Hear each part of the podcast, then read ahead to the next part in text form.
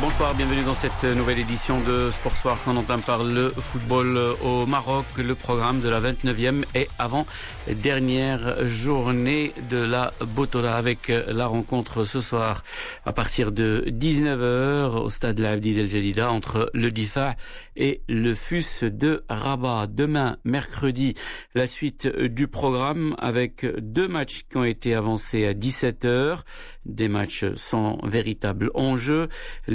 Contre la Renaissance de Zemamra, rencontre qui se jouera au stade Bachir de Mohamedia, et puis le Mouldier d'Oujda qui va recevoir au stade d'honneur d'Oujda l'Olympique Safi. À 19h, les matchs importants de cette 29e journée, ceux qui concernent la lutte pour le maintien et la course au titre avec notamment le Raja de Casablanca, l'équipe qui occupe actuellement la première place du classement qui se déplace chez l'Olympique de Khribga, l'OCK avant-dernier et qui espère engranger les trois points de la victoire pour bien sûr rester en course, cette course de maintien parmi l'élite. L'Ittihad de Tanger voudrait, pour sa part, clôturer le débat et l'emporter face au Hassan Gadir, trois points qui pourraient offrir l'assurance de maintien pour l'IRT. On suivra de très près également la renaissance de Berken qui reçoit le Moreb de Tétouan et le Wydad de Casablanca, deuxième derrière le Raja, à un point derrière le Raja même, et qui reçoit la visite du Rapide de Watsam. Des nouvelles du football marocain encore avec l'international marocain Nabil Derar, positif au Covid-19 suite au test effectué à l'ensemble des joueurs des Lions de l'Atlas présents pour le stage de préparation précédant les deux rencontres amicales face au Sénégal et à la République démocratique du Congo. C'est la Fédération marocaine de football qui l'annonce sur son site internet pour remplacer Nabil Derar Wahid Alilozic a appelé en renfort le défenseur Ashraf Al-Zahar qui retrouve la sélection après trois années d'absence. Le marché de transfert qui s'est clôturé hier en Europe avec l'international marocain Oussama Idrissi qui a rejoint le FC Séville en provenance de la Z Alkmaar. C'est une étape importante au niveau de ma carrière, a déclaré le joueur que je vous propose d'écouter. Beautiful club, big club with a big history. Je suis très heureux d'arriver au FC Séville, un club avec une histoire, actuel vainqueur de la dernière UEFA Europa League. C'est une étape importante dans ma carrière, un saut important.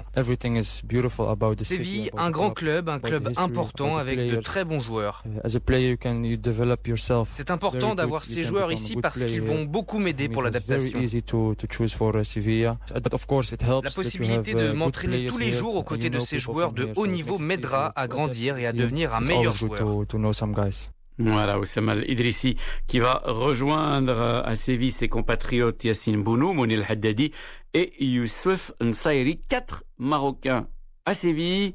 Écoutez ce qu'on pense notre consultant pour le football espagnol, Frédéric Armel c'est une bonne nouvelle pour le football marocain parce que Séville est à l'heure actuelle l'équipe sportivement la mieux gérée. Et c'est pour moi aujourd'hui un candidat au titre. Il y a un type qui s'appelle Ramon Rodriguez, mais personne ne connaît Ramon Rodriguez.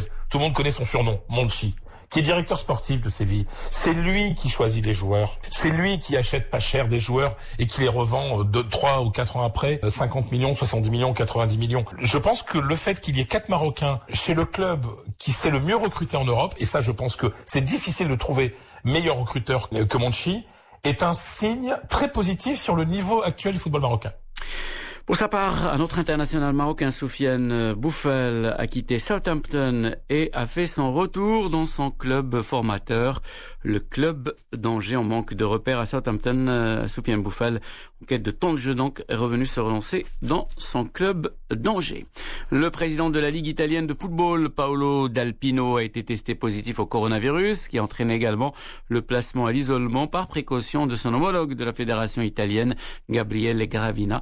C'est ce qu'ont indiqué les deux protagonistes.